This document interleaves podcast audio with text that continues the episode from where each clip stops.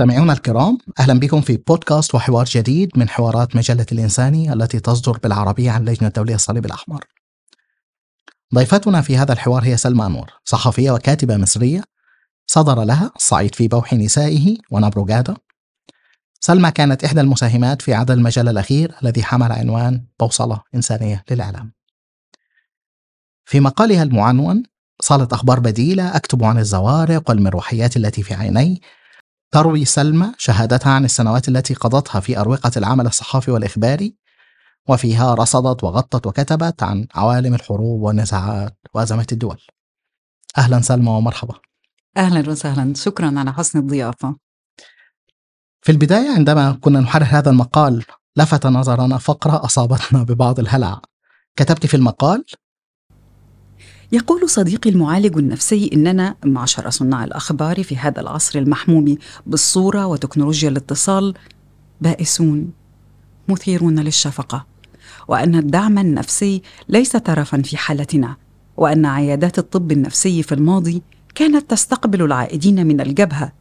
أما اليوم فالجبهة باتت تأتينا إلى مقاعد غرفة المعيشة الوثيرة. وحين ترتبط أرزاقنا نحن صانعي المحتوى الخبري بتسقط أخبار العالم شرقا وغربا فإن الوضع أفدح وأكبر انهاكا. ثم إننا في الغالب ندمن عملنا مع الوقت ودون أن ندري لنصحو يوما ما وقد غدت أخبار المدن المحتلة والمحررة وأزمات الدول الاقتصادية وحكايات صفقات السلاح في الشرق والغرب امتدادا لأخبارنا الشخصية وسببا في تعكر مزاجنا أو صفوه. والسؤال هل وصل فعلا الصحفيون والإعلاميون وكل من ينتج المحتوى إلى هذا الوضع البائس والمثير للشفقة؟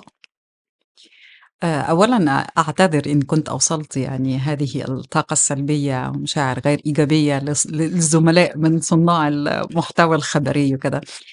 آه، يعني لم أقصد أن أكون بهذه التشاؤمية لكن هي لحظة وعي في الحقيقة. يعني أنا أعمل في مجال الأخبار منذ العام 2002 آه، على مدار ربما عشرين عام آه، نحن نتعرض أنا والزملاء لهذا النوع من المادة دون أن نعي تأثيراتها آه، في نفوسنا بداخلنا. أنا نفسي لم أعي هذا الأمر حتى بزغت في عقلي فكرة كتابة هذا المحتوى الذي شاركته مع الإنساني يعني أنا ظللت الفكرة غائمة في ذهني حتى بدأت يعني تنتابني على مدار عشرين عاما من العمل في صالة الأخبار والتعرض إلى الوثائقيات والصور وكذا. تنتابني موجات متتالية من الكآبة من الحزن غير المفهوم غير المبرر تماما ولم أكن أدرك وقتها مع تلك النوبات أن وجداني صار مرتبطا آه، العالم إني صرت بنت العالم. يعني في تعبير كنا بنستخدمه كطلاب علوم سياسية اللي هو international citizen المواطن العالمي, العالمي بالضبط. وأنت لست ابن الإقليم الذي نبت فيه آه، أنت جزء من مساحة شاسعة للغاية. أنت ابن الكوكب. وما يحدث في هذا الكوكب متصل بك مهما فعلت. وبعدين يعني يقتحم عالمك ال social media وال smartphones فتجد نفسك يعني هذا الكوكب على بعد ضغطة. يقول بالمصري بالمصرية يعني قابلني لو لو سبت التليفون. يعني وكأنه إدمان غير طبيعي. وبعدين بعد فترة تبدأ في التساؤل. وتبدأ في الوعي. يعني دي بداية بقى الوعي الاشتباك مع الحالة. وتسأل أهل الاختصاص من الأصدقاء ممن يقرؤون في علم النفس وفي علم الأعصاب لأنه أنت لست في حالتك الطبيعية. يعني ثمة شيء يرتبط بذاكرتك البصرية ثمة شيء يعلق بعينيك ولا يكاد يفارقك. ومزاجك يتأثر بالنزاعات والمفاوضات مش طبيعي. ليس من الطبيعي أن أن تقرأ عن تقارير اقتصادية عن الحالة الاقتصادية في العالم وعن أزمة الغذاء وعن أوضاع الصين والعملة وكذا وكذا. فتجد أن مزاجك سيء وعكر باقي اليوم. فلما بدأت أتحدث مع الزملاء والأصدقاء المهتمين بالشأن النفسي وكذا فأحدهم الحقيقة كان صارم جدًا في المسألة اللي هو سلمى. Stop. يعني لابد من وقفة مع هذا هذا التعرُّض غير المتوقّف، يعني طبيعي أن نتعرّض ما هو كمان مش هتعيش معزول، أنت ابن هذا الكوكب، مش هتعيش معزول مهما درجة. يعني حتى الأبناء في القرى والنجوع وكذا اللي كنا يعني حسبناهم على الوقت على المعزولين نسبيًا بين بين قوسين يعني، آآ على اعتبار أنهم يعني منغمسون في الشأن اليومي وفي الحياة اليومية و وغالبًا ما لا تأخذهم إلا تفاصيل يومهم. حتى هؤلاء باتوا على ال smartphones وعلى ال social media وباتوا متعرضين تماما أو بدرجة كبيرة آه، كمثلك كمتخصص. آه، فحين تحدثت إلى ذلك الصديق أذكر أنه كان صارما في هذه المسألة وأطلعني على دراسات بالإحصاءات ذكرتها في المقالة إنه آه، هذا يعني قاتل هذا مميت. التعرُّض اليومي ك ب ب بوصف صحفية إخبارية، التعرُّض اليومي لهذه المادة وال وال والاشتباك معها عاطفيًا بدرجة كبيرة، أنت مش بتبُص من على السطح وتجري، ولا بتبُص كام شيفت بتاعك وبعدين تقفل الإنترنت فأنت disconnected لأ، أنت بتظل تص تصحبك هذه الأشياء إلى منامك وفيقتك في اليوم التالي وهكذا. فهو نصحني الحقيقة بتقليل عدد الساعات بغض النظر إن كنت سأستمع إلى النصح أم لا لكن يعني آه وهذه كانت بداية الوعي وبداية إحساسي بأنه لابد أن أوثق الحالة وأتحدث عن هذا التحدي. التحدي الخاص بين في موجات متتالية من الأخبار ولكن لا يوجد هدنة نعم. منتج المحتوى الخبري. نعم نعم تماما. لا يوجد هدنة وهناك بالعكس ده هناك المنحنى تصاعدي يعني كل يوم في منصة جديدة بتحاول تستقطب اهتمامك وكل يوم في آه، جديد في المحتوى الخبري يقدم بطريقة أكثر جاذبية وكأنها وجبة دسمة أخرى توضع أمامك قبل أن تفرغ من التهام الوجبة السابقة. أنا أذكر في أيام الكوفيد 19 آه، في وقت بالذات في البدايات. مع كل ما أحاط ال وده شيء غريب جدًا، جدًا وملغز جدًا، يعني كل هذه التقارير الإخبارية والصور والصور المفجعة التي كانت تأتينا من المستشفيات ومن سيارات الإسعاف وكذا وكذا لم تمنع حالة الغموض في الوقت نفسه اللي كانت بتحيط بال ما زلنا مش فاهمين هو إيه الموضوع. يعني بتشوف كم مهول من الأخبار وتدخل في في الحالة إلى عمق نخاعك الشوكي. ثم أنت لا تفهم ماذا يجري رغم كل هذا التعمق. ويمكن الزملاء الأكثر يعني اشتباكا مع المحتوى الشارح والمحتوى التحليلي والمحتوى التوثيقي اجتهدوا في إنهم يجيبوا لنا مثلا آه، تاريخ الطواعين وكيف تعامل العالم عبر القرون مع الجوائح القاتلة والطاعون آه، والموت الأسود في سنة كام وفي القرن الكام. فده بيضع لك بيعمل لك زي ما بنقول آه، إطار يعني تفهم من خلاله ما يجري إلى حد ما يعني. لكنك لا تستطيع أن تتنبأ بمستقبل هذه الظاهرة المرعبة يعني ولا تستطيع أن تف... وتبدأ تسأل بقى هو إيه الفيروس مخلق في معامل ولا ده قدر الله فينا ولا ف... حالة حالة مرعبة. لم أكن أترك السمارت فون يعني تقريبا أول ست شهور حتى اللي وعيت أنه أصبحت بقى لدي مشاكل في الرقبة وفي مشاكل في, في العينين وإرهاق وإرهاق عصبي وكذا. فلا يعني لحظة الوعي نفسها تتأخر وهذا ما يستدعي أن نتحدث عنه أو ما يجعله من الضروري أن نتحدث عنه. نتحدث عن؟ عن ه... نتحدث عن هذا التحدي. نثير وعينا ك... كمجتمع صناع المحتوى الخبري بأننا على المحك. زي ما قلت في المقال قديما كنا نذهب كصناع محتوى خبري إلى الجبهة. الآن الجبهة تأتي إلينا. هي لا تنتظرنا حيث هي. نحن ن... كنا نذهب إلى الجبهة. الآن أنت على مقعدك الوثير أمام تلفازك. الجبهة عندك في البيت في صالتك. ومع هذا الكم المهول من الأخبار اللي هو بيبرز تحدي. العدد الأخير من المجلة صدر وإحنا بنحتفي بالمجلة بمرور 25 سنة على بمرور 25 سنة على صدور المجلة. كانت المهمة هي تسليط الضوء على التحديات ما نسميها أنسنة صالات الأخبار. بواقع أن هي صالات الأخبار تصبح أكثر ادراكا لصوت الضحايا لازم يظهر في ال- الأخبار وال- والمحتوى. مش بس كل الأخبار فقط لها علاقة بالأرقام مم. بالأرقام. فبالتالي ده طول الوقت النقاش مستمر حوالين واقع الإعلام في عالم اليوم وال- والأدوار اللي بي- بيطلع بيها خصوصا في مناطق النزاعات والأزمات. زي لا سيما المنطقة العربية يعني. ف ف- فالتحدي ده ده شكل كبير من أشكال التحديات. فشايفه الشكل ده إزاي؟ والله هذا سؤال مربك قليلا. يعني لأنه تحدي كبير وليس تحدي فردي يعني هو تحدي أمام مجتمع العمل الصحفي عموما والإعلامي عموما يعني. إحنا تربينا في مدرسة آه، الحياد آه، والاحتراف. أنه احترافك كصانع محتوى خبري أو كمذيع للمحتوى الخبري ألا تتأثر نبرات قلمك ولا صوتك بال آه، آه، تنقله إلى المشاهد أو المستمع. ويعني أنا تربيت في مدرسة يعني المدرسة المصرية. الإخبارية يعني شديدة العراقة شديدة القدم شديدة ال... الالتزام بالتقاليد. يعني كمان أنا كنت أخبار مسموعة. فالراديو المصري يعني شديد الصرامة في معاييره في هذا الشأن. فكان في تجديد للغاية وإحنا صغيرين على مسألة الحياد الصوت وحياد المشاعر ما إحنا صغيرين معنا في بدايات العمل. في بدايات العمل الصحفي نعم. صالة الأخبار جزء من احترافيتك أن يصمت وجهك بينما تكتب الخبر.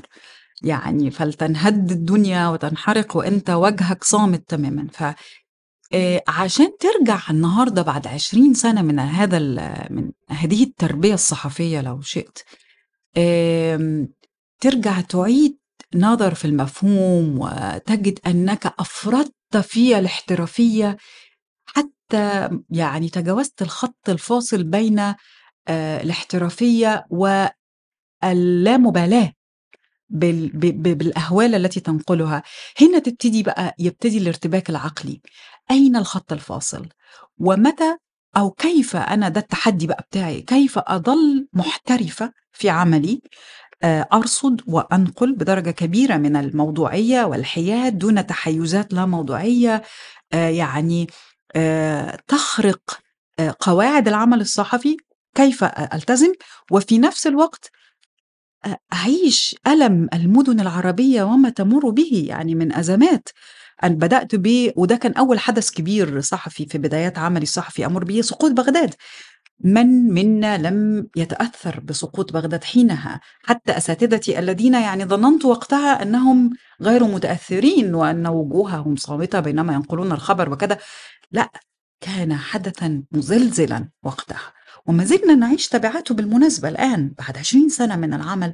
ما زلنا نعيش تبعاته في المنطقة العربية وفي آه، العراق وكذا. هذا العام يصادف مرور 20 عاما على سقوط بغداد. فنعم ومنذ ذلك الحين سقطت حواضر أخرى وتعرضت حواضر أخرى لأزمات مستحكمة فبالتالي مشهد قاسي ومؤلم وفعلا مثير للشفقة لأوضاع المدن العربية والحواضر العربية بسبب النزاعات المسلحة. نعم. افتح خريطة الوطن العربي اليوم الخريطة السياسية للوطن العربي اليوم ومر بعينيك على ال- ما يجري يعني أنا يمكن ركزت أكتر في الع... يعني في المقال على ال drones الأسلحة الباليستية المدافع ال... لأنها striking يعني هي ما, ت... ما بتقدرش عينك تتجاهلها. هي ضاربة يعني لعينك. شديدة. شديدة الوضوح شديدة القسوة مشهد المجنزرات مشهد ناقلات المدرعات ناقلات الجنود كده. لكن ده لا يمنع أن جزءا من الألم يرتبط بمظاهر الفقر مظاهر ال- الجوع. في في الحواضر العربية في بعض الحواضر العربية. آه، مشهد آه الذي ذكرته الزوارق المهاجرة آه بشكل غير نظامي هذا مشهد موجع للغاية. ده مشهد لا يقل إيلاما عن سقوط بغداد وقتها. يعني هو سقوط جزئي آه، في في أحد أركان استقرار هذه الأنظمة وهذه أو هذه المدن الأنظمة الاجتماعية بالتحديد. ف وأنا درست علوم إنسانية درست علوم اجتماعية فما ما بقدرش ما أشوفش هذه المشاهد وأرى ما خلفها كمان يعني هي ليست حدثا يمر أنقله في سطرين لكني أعيش معه طويلا بعد أن يمضي آه، وده اللي حاولت أنقله في في في المقال إلى حدٍ ما يعني. وفي عملك التاني يعني قصدي ده- ده جزء كبير من التحدي اللي هو نقل هذه الأزمات في إنتاج المحتوى سواء المحتوى المكتوب أو ال- ال- التدوينات. يعني قصدي مستوى البودكاست اللي بتعملي فهل فهل تكلمينا آه. أوكي، عملي في البودكاست يعني أنا باعتبره آه، خلّيني أقول break يعني break من ال شوية ب فُسحة كده يعني أو هدنة هدنة مؤقتة من ال من العمل الإخباري. هو ما ما زال يعني أقدمه على منصة عمل إخباري إقليمية وبالتالي آه، يعني هو عمل آه، خلفيته دائما آه، سياسية تاريخية؟ لا يعني تشتبك مع دوائر الاجتماع السياسي غالبا. آه، لكن في نفس الوقت أنا تعمدت أن يكون البودكاست ال- الذي أنتجه يعني أميل إلى أن يكون ثقافيا. أنا تعمدت وطلبت أن أتحرك في هذه المساحة الثقافية التي يعني تتأرجح بين الأفلام والسينما وكذا وإن كانت تشتبك مع الواقع الاجتماعي المعاش والتاريخ السياسي للمنطقة والعالم وكذا. يعني يموت الزمار كما نقول في مصر و- آه يعني الفكرة آه فكرة الانفصال التام عن المحتوى الخبري بعد هذه السنوات من العمل يعني تكاد تكون مستحيلة. مع وحين تكون خلفيتك العلوم السياسية والاجتماع السياسي صعب جدا تنفصل عن هذا. لكن يمكن أن تتحرك في مساحة يعني خلينا نقول رائقة أكثر إلى حد ما بأن آه، تنقل بصوتك شيئا ما آه، يلعب في مساحات وسيطة بين الثقافي والسياسي والتاريخي لنمرح قليلا يعني نأخذ هدنة بسيطة يعني. طب النقطة ال- المجهود والأنشطة الأخيرة البودكاست هل هذه تعد محاولة للانفصال عن عن واقع الأخبار الواقع المتسارع للأخبار ال- أوكي آه، لجو صناعة الأخبار الكبير يعني الأخبار المزعجة طول الوقت؟ آه، أنا يعني آخر يمكن شهرين آه، أو شهر ونصف حاولت أن يعني أحتفظ أو أحافظ على مسافة بيني وبين صالة الأخبار آه، جزئيا وذلك بالانخراط في العمل الصوتي المسموع والبودكاست. نعم إج- إجابة سؤالك باختصار هي نعم هي فعلا محاولة واعية للابتعاد قليلا عن تلك الموجة موجات متتالية. يعني أحمد نحن نعيش في عالم الحرب العالمية الثالثة.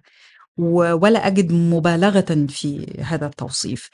آه، يعني أنا أذكر أني آم، آه، ما أن بدأ الحديث عن التهديدات النو- النووية ال- ال- ال- الصاعدة اليوم مع المواجهات في أوروبا.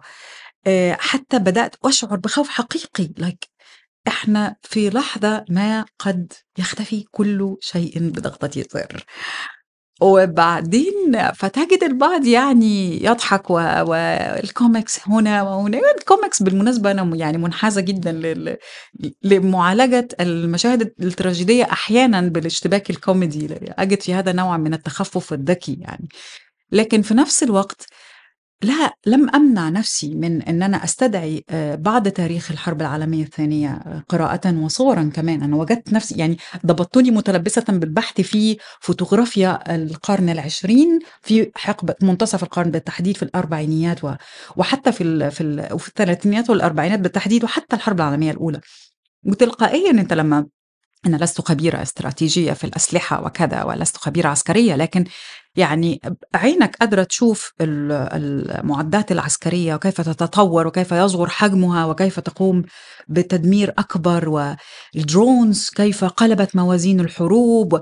هذا مخيف هذا مخيف مخيف مخيف جدا. يعني ل- قبل قبل أسابيع كنت أقرأ مقالا عن مثلا ال ال كيف قلبت المسيرات موازين الحرب وكيف استخدمت في أوروبا بصورة مختلفة وكيف يعني زي ما بنقول آه وقفت سوق السلاح الكبير لصالح ال ال تلك المسيرات المراوغة الصغيرة والرخيصة الثمن وفي التكلفة التصنيع نسبيا مقارنة بالطائرات الضخمة الأمريكية كذا آمم، ساعتها يعني شعرت أن العالم يتسابق لحتفه، يعني العلماء والخبراء والعسكريون في سباق لكيف يقللون تكلفة قتلنا، يعني و و و و وإشعال حرائق آآ، من حولهم، وهنا مش بتكلم عن حرائق الطبيعة التي ليست آه، متهمة فيها الطبيعة بالأساس بل نحن برضو آه، في المقام الأول. لكن الحرائق التي تشتعل بأيدينا على مناطق في مناطق النزاعات وفي المناطق المسلحة. وده برضو مش منبت في صلته بما كسبت أيدينا في مجال البيئة بالمناسبة. وكأنه الإنسان بيتعمد أن يشعل العالم من حوله ويتسابق في هذا يعني إزاي كمان يخلي ده رخيص؟ إزاي يخلي ده ريتشبل أسهل بشكل أسهل وأرخص و آه خلينا نكون موضوعيين. يعني فكرة أن أن تنفصم صلتك النفسية والوجدانية والذهنية بده يعني صلتي أنا كحد عامل في هذا المجال على مدار سنوات حتى وأنا بحاول أخد بريك وبحاول أنقع يعني عفوا بحاول أقنع بنتي إنه إحنا آه، إن أنا هاخد break من العمل الصحفي وحنعيش أيام أكثر هدوءا وكذا وكذا. هي البنت نفسها مش مقتنعة. هي عارفة أني لن أكف عن هذا وأني قبل أن أنام لابد أن أسمع النشرة أخيرا. وأول ما أستيقظ أول حاجة بعملها ببص على smart phones رغم أنه يعني أول نصيحة بينصحها لك أي أخصائي نفسي أقلع عن هذه العادة. لا تبدأ يومك بنشرة الأخبار. لكنك لا تكف عن أن تبدأ يومك بنشرة الأخبار. ف لن نكف يا أحمد لن نكف.